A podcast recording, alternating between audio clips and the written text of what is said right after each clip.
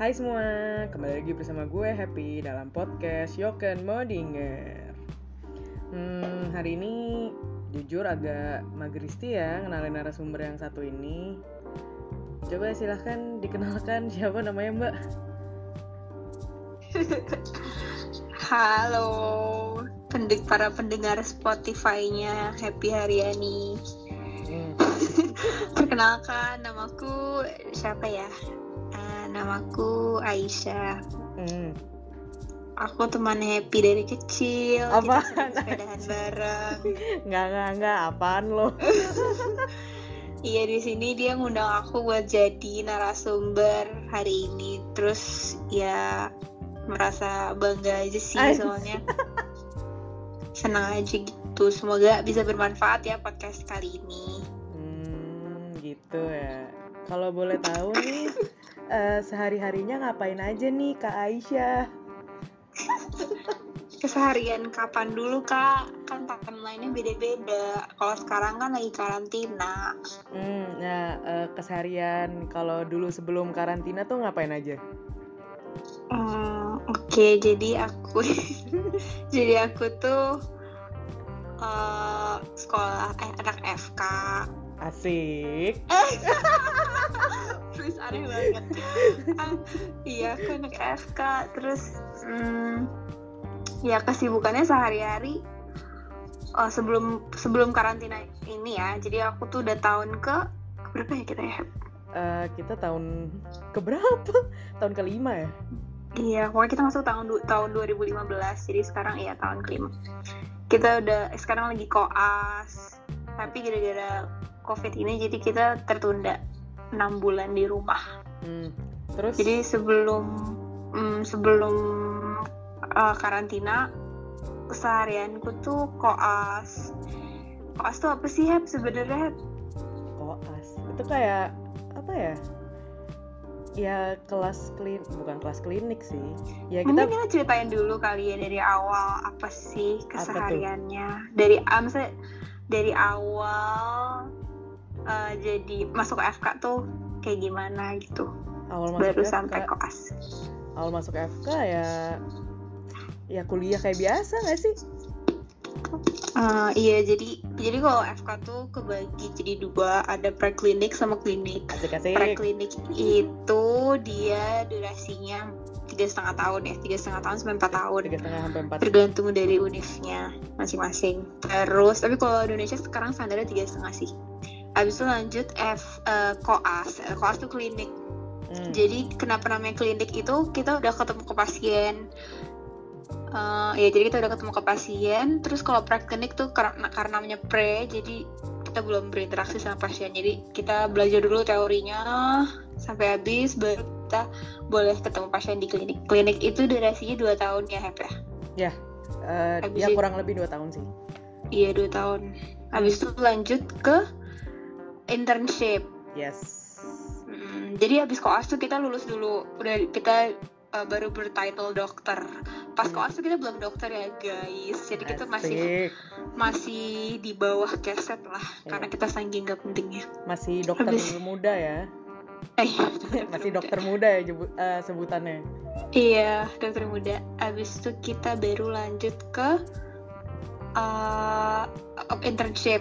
Hmm. setelah kita udah disumpah dokter internshipnya itu yang kalian sudah tahu juga bisa pilih dari Sabang sampai Merauke tapi cepet-cepetan hoki-hokian gitu abis internship internship satu tahun di daerah situ Yes. um, abis itu baru kita boleh dapat praktek eh, ini dapat surat izin praktek ya Hep ya?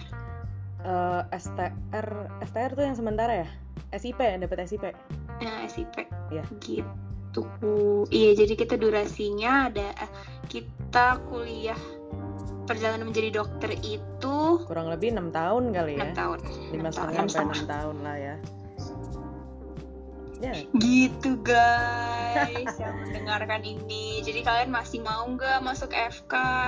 lu jangan nakut-nakutin dong. Bener juga.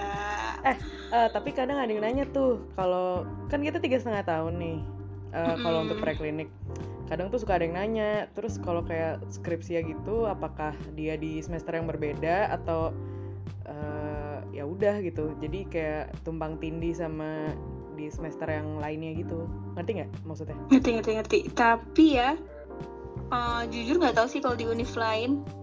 Tapi di mungkin univ kita uh, mbak happy mbak happy hari ini bisa nanti bantuin saya ya. Apaan? Jadi kalau di univ kami univ kami di mana Hep? Adalah pokoknya. Jangan disebut lah ya. Iya pokoknya di univ kami itu kita tumpang tindih tumpang tindih si uh, skripsinya. Kita sebutnya KTI atau karya, karya tulis ilmiah.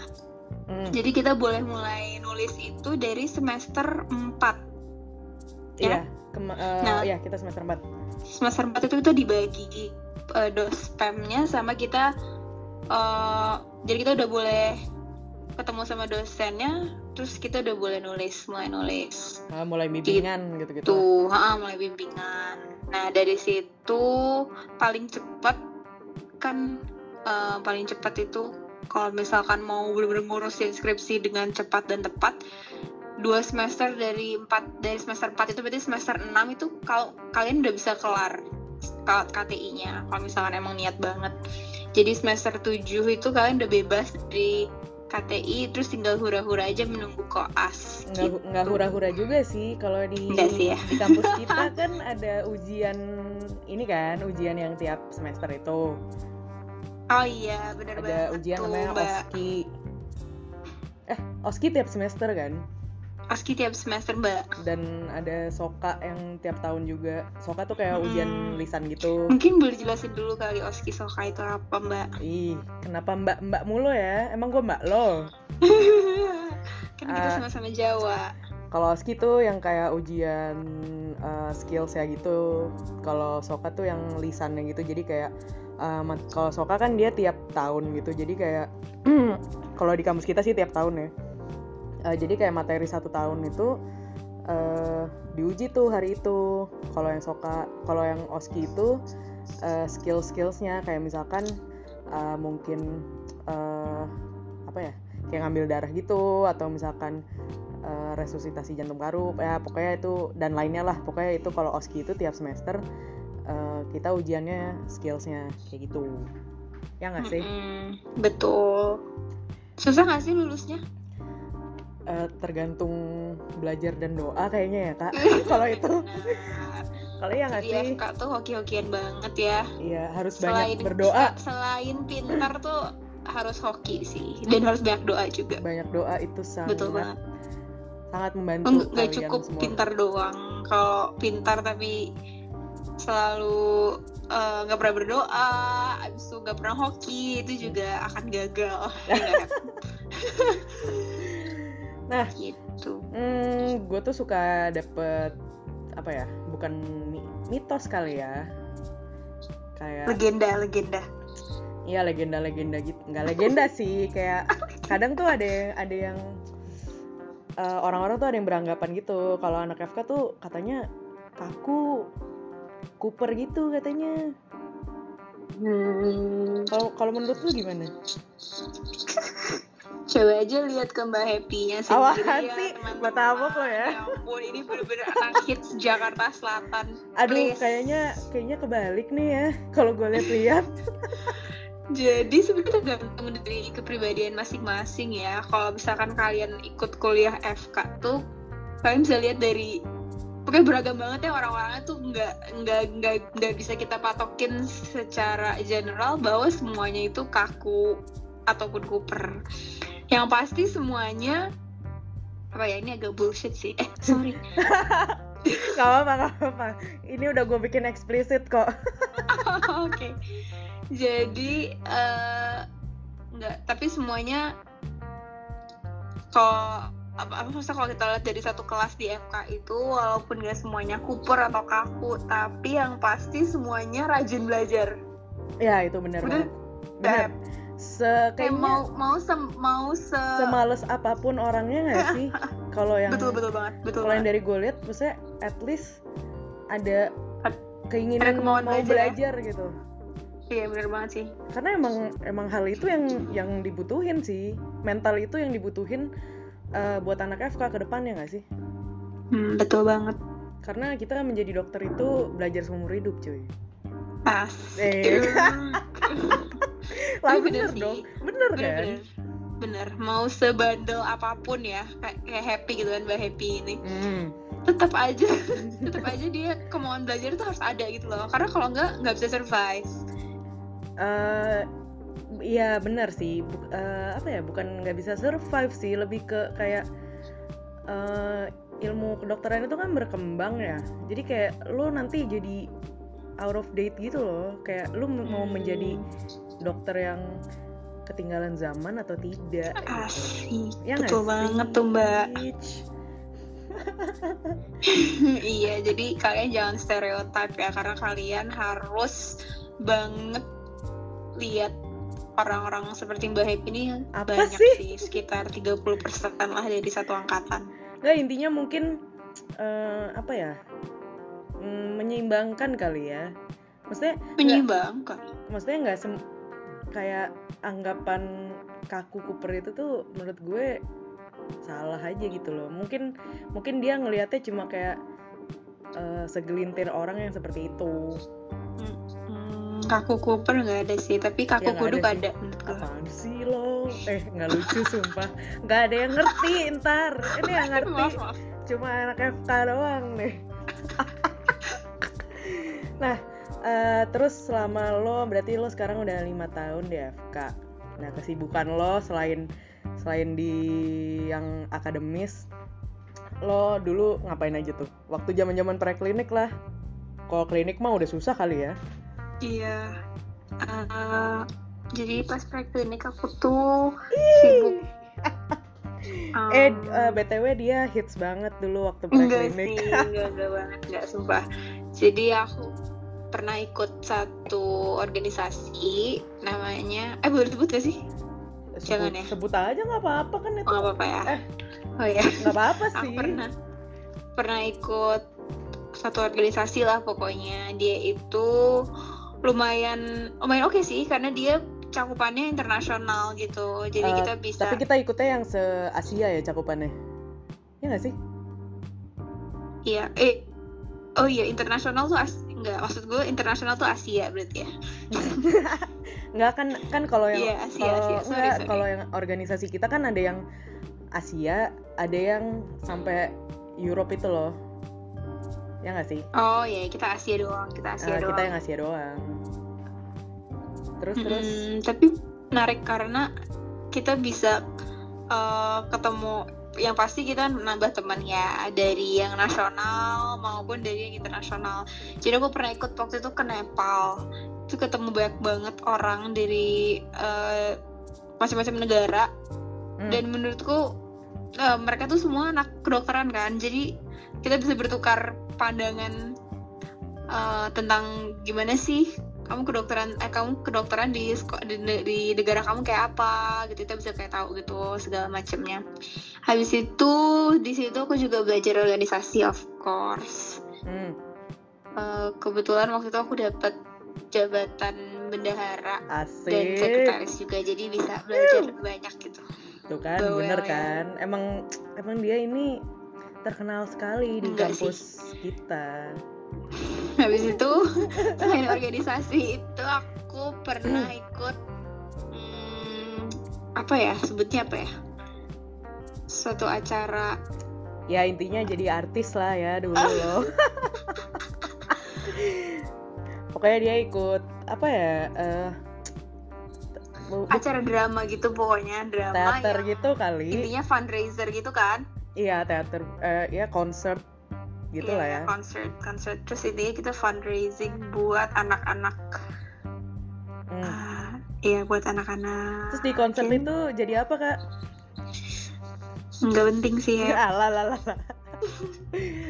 ya dia jadi. jadi latar belakang latar belakang Allah, dia jadi ini guys, jadi apa namanya? Jadi pemain dramanya dia di Iya, situ. masa main gitar? Ya siapa tahu main ukulele.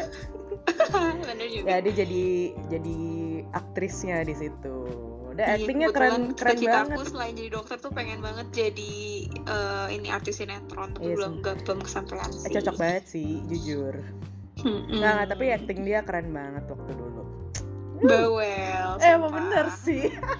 kan gue nonton ya. Jangan muji di podcast dong aneh banget menurutku, please. Nah, terus lo kan maksudnya pas preklinik tuh eh, cukup sibuk ya dengan eh, organisasi lo dan dengan eh, maksudnya dengan kegiatan non akademis lo nih.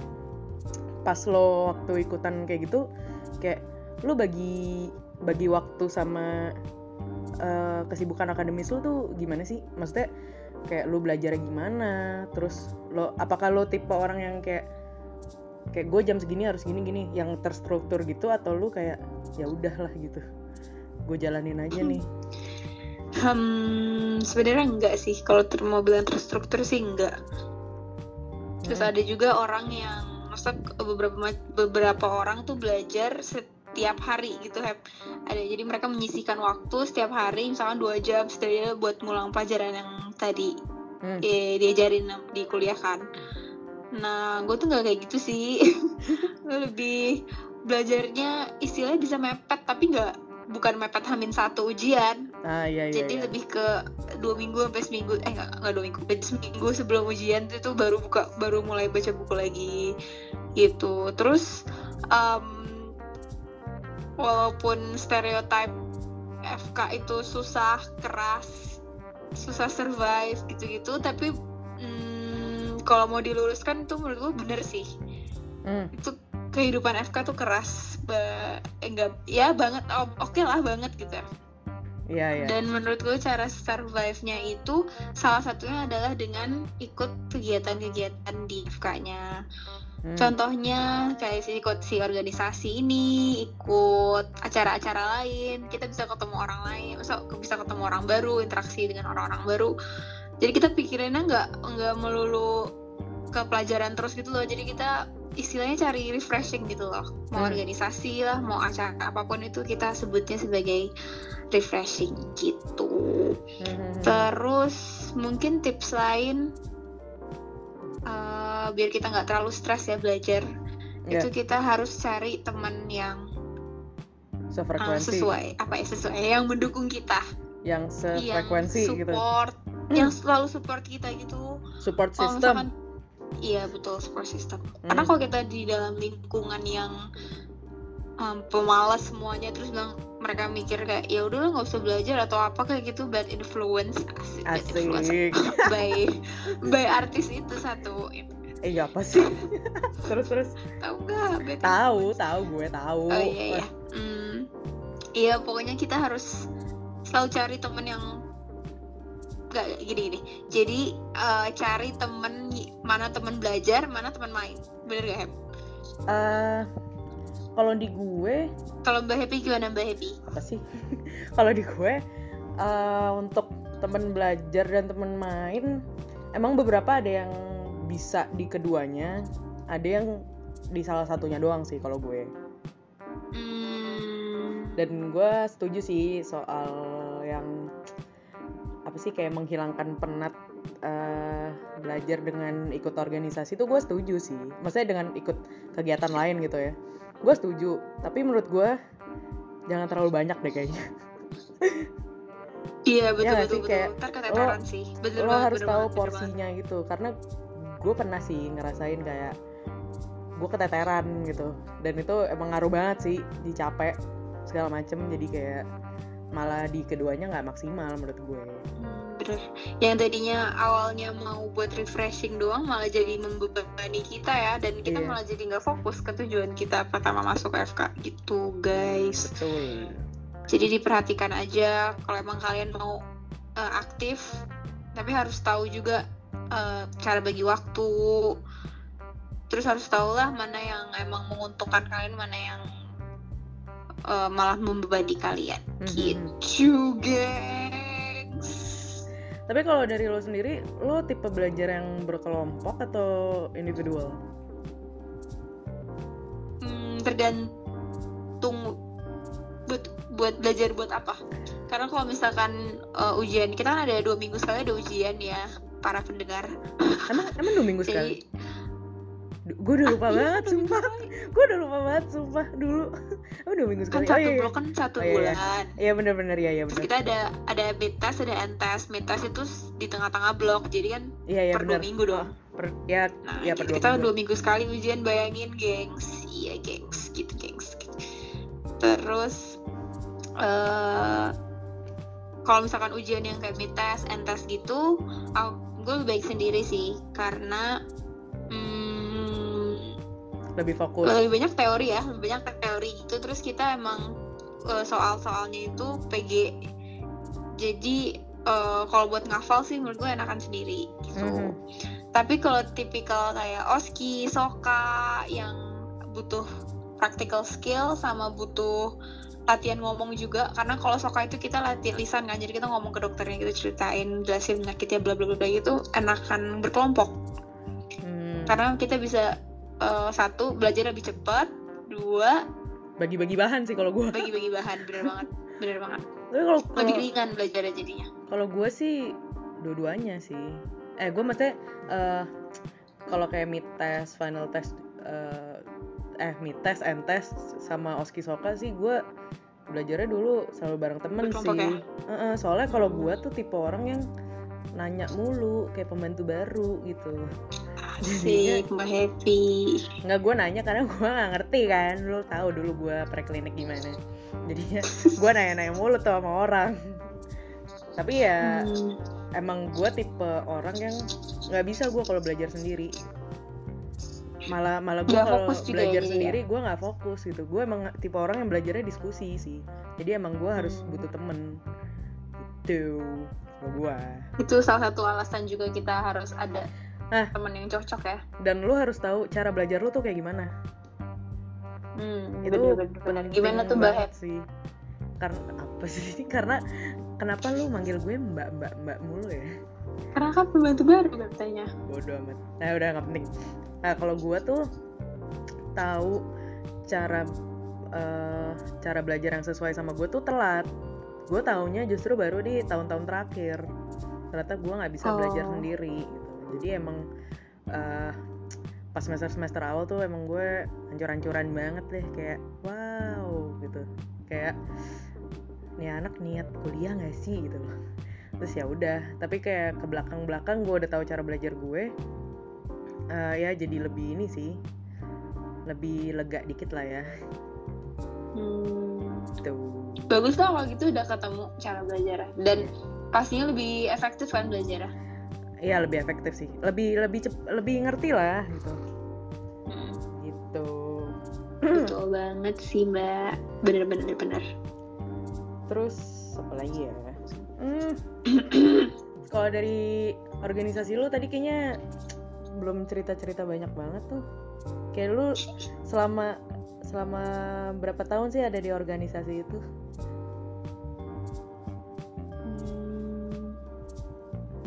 kuliah tiga empat tahun ya berarti tiga tahun lah. Tiga ya?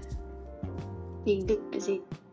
Aduh kayak kan tadi kan sempet ceritain pengalaman lo tuh yang ke luar apa sih yang ke Nepal itu kan?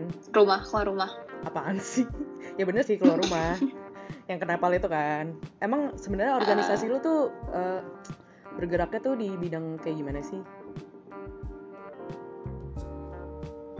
bidang kayak gimana? Hmm. maksudnya kayak bidang riset kah? Apa kayak maksudnya organisasi lo ngapain aja gitu? Ah, ngapain aja? Iya. Selain keluar selain keluar negeri. Ah, keluar negeri yang yang kan yang banyak lah acaranya ya. Keluar yang waktu ke Nepal tuh lu acaranya apa sih student student exchange ya bukan bukan. Eh, conference conference. International conference. Oh. Mm-mm. di situ kita eh, karena karena kita apa ma- medical student jadi belajar resusitasi neonatus. Hmm, hmm, hmm, hmm. em, terus eh, apa lagi ya? Workshop apa workshop ada workshopnya kayak itu terus sama kita nontonin orang-orang lomba karya ilmiah Hmm. Terus sisanya jalan-jalan Kalau kalau acara-acara Indonya apa aja tuh? aduh Hep jangan ini dong kayak ujian sumpah Enggak lah. Eh, acara-acaranya banyak ya sih organisasi ayo kita coba tuh. coba coba coba gantian gantian Ya kalau zaman dulu tuh ada yang eh, cancer camp. Jadi kita kayak eh, bikin camp gitu buat eh, anak-anak yang penderita kanker gitu-gitu. Eh, Hmm. Tapi sekarang namanya udah oh ini ganti. berarti tapi levelnya di kampus ya masa level Ini level acara kampus. hmm, terus terus Terus apa lagi ya? Banyak deh kayak acaranya.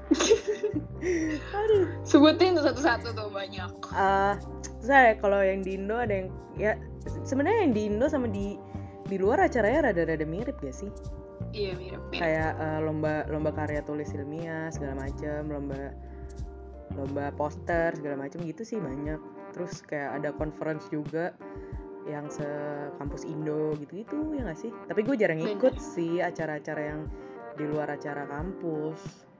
nah justru yang menarik tuh malah yang di luar kampus Iya kan gue nggak gaul, gaulnya gaulnya di- dikit gue oh gaulnya. iya dia mainnya sama anak jaksel geng Itu mah lo kali.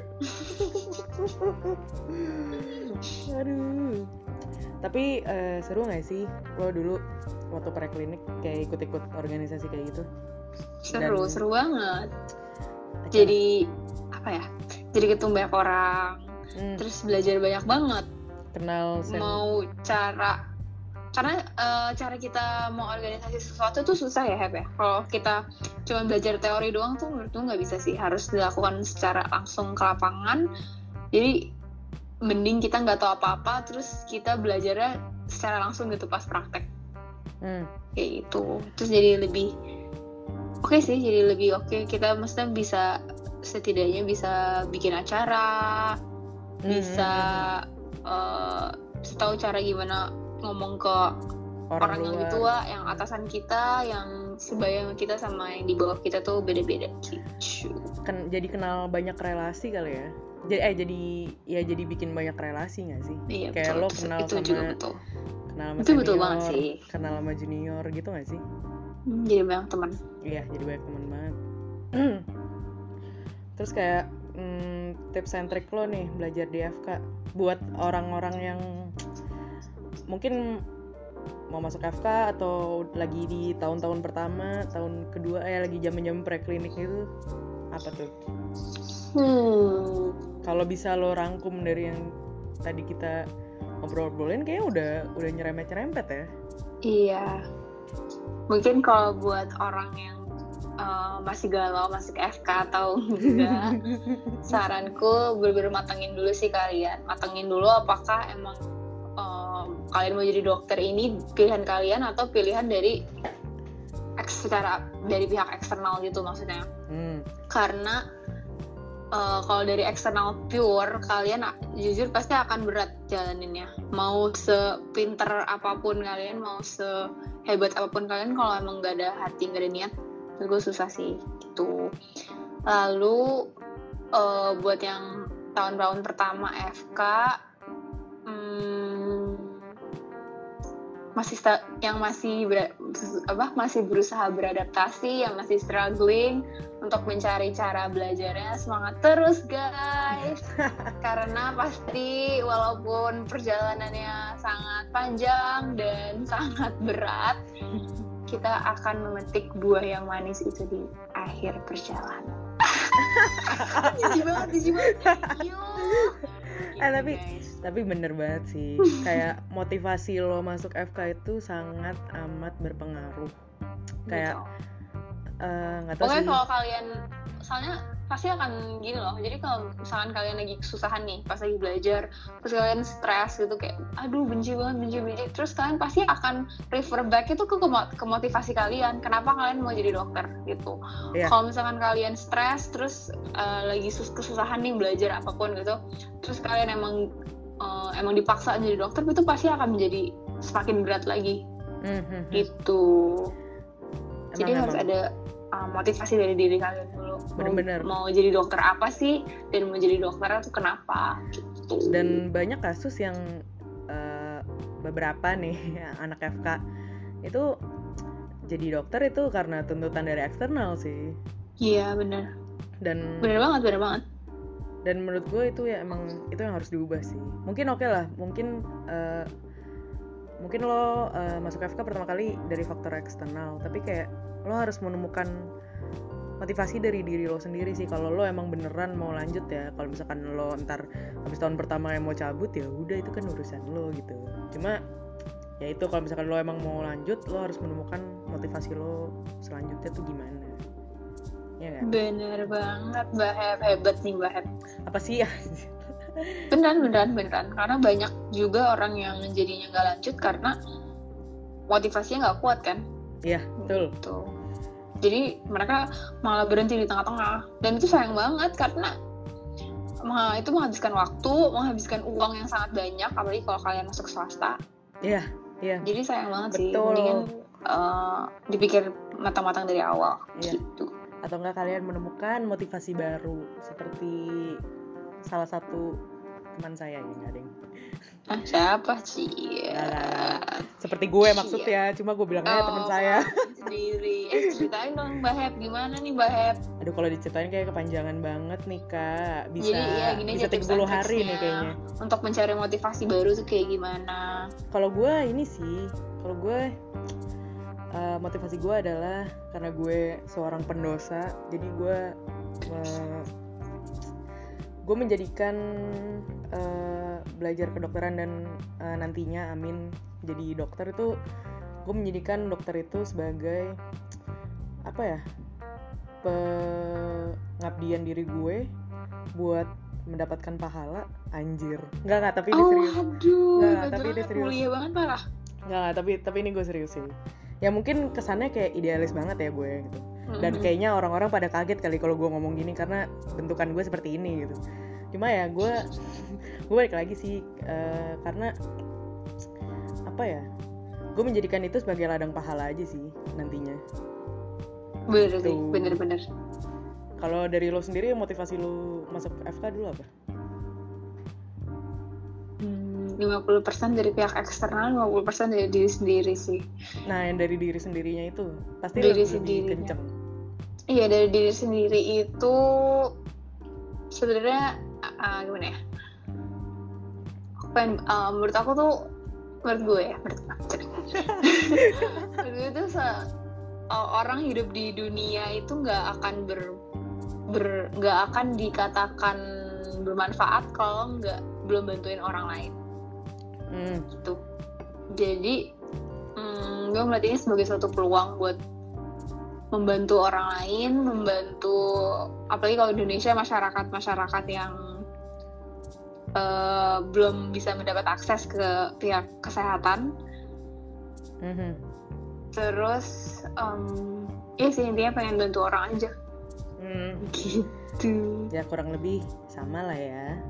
Benar karena katanya ya teman-teman kalau misalkan kita habis ngobatin pasien nih terus pasiennya itu bakal berterima kasih kan ke kita itu katanya wow itu katanya Hmm. wow banget sih itu akan iya iya iya membuat kita seneng banget banget dan banget. tidak ada harganya tidak ada harganya tapi lo pernah nggak sih kayak pas koas ya pasti kan kita ber- kita udah mulai interaksi dong sama pasien lo pernah nggak diucapin terima kasih gue pernah sih pernah pernah Gua pernah, pernah. pernah. itu rasanya bahagia banget gak sih ya Iya itu.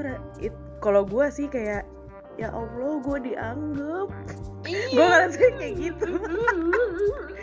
Gue kayak ya allah gue dianggap gitu. Jadi kayak gue jadi semangat lagi gitu loh. Karena karena Bener kalau apalagi kalau pas lagi jaga ya lagi jaga tuh maksudnya kayak capek kucel muka lu tuh udah kayak aduh gitu. Dan lo diucapin terima kasih tuh jadi ngebalik ngebalikin mood lo lagi sih kalau gue bener banget bener banget Ya dan iya kita juga nge-treat pasien nggak apa the way kita mau di-treat sama orang lain gitu kan Hmm, hmm, hmm, hmm. jadi kalau misalkan kita selalu nanganin pasien pakai senyum pakai dengan senyum salam hati. sapa Asik. 3 M mereka mereka pasti kayak juga akan senang balik itu loh reaksinya Iya. itu loh yang Bener, bener, bener. banget rasanya rasanya tuh puas banget gitu loh jadi ngobatin orang gitu ya Iya.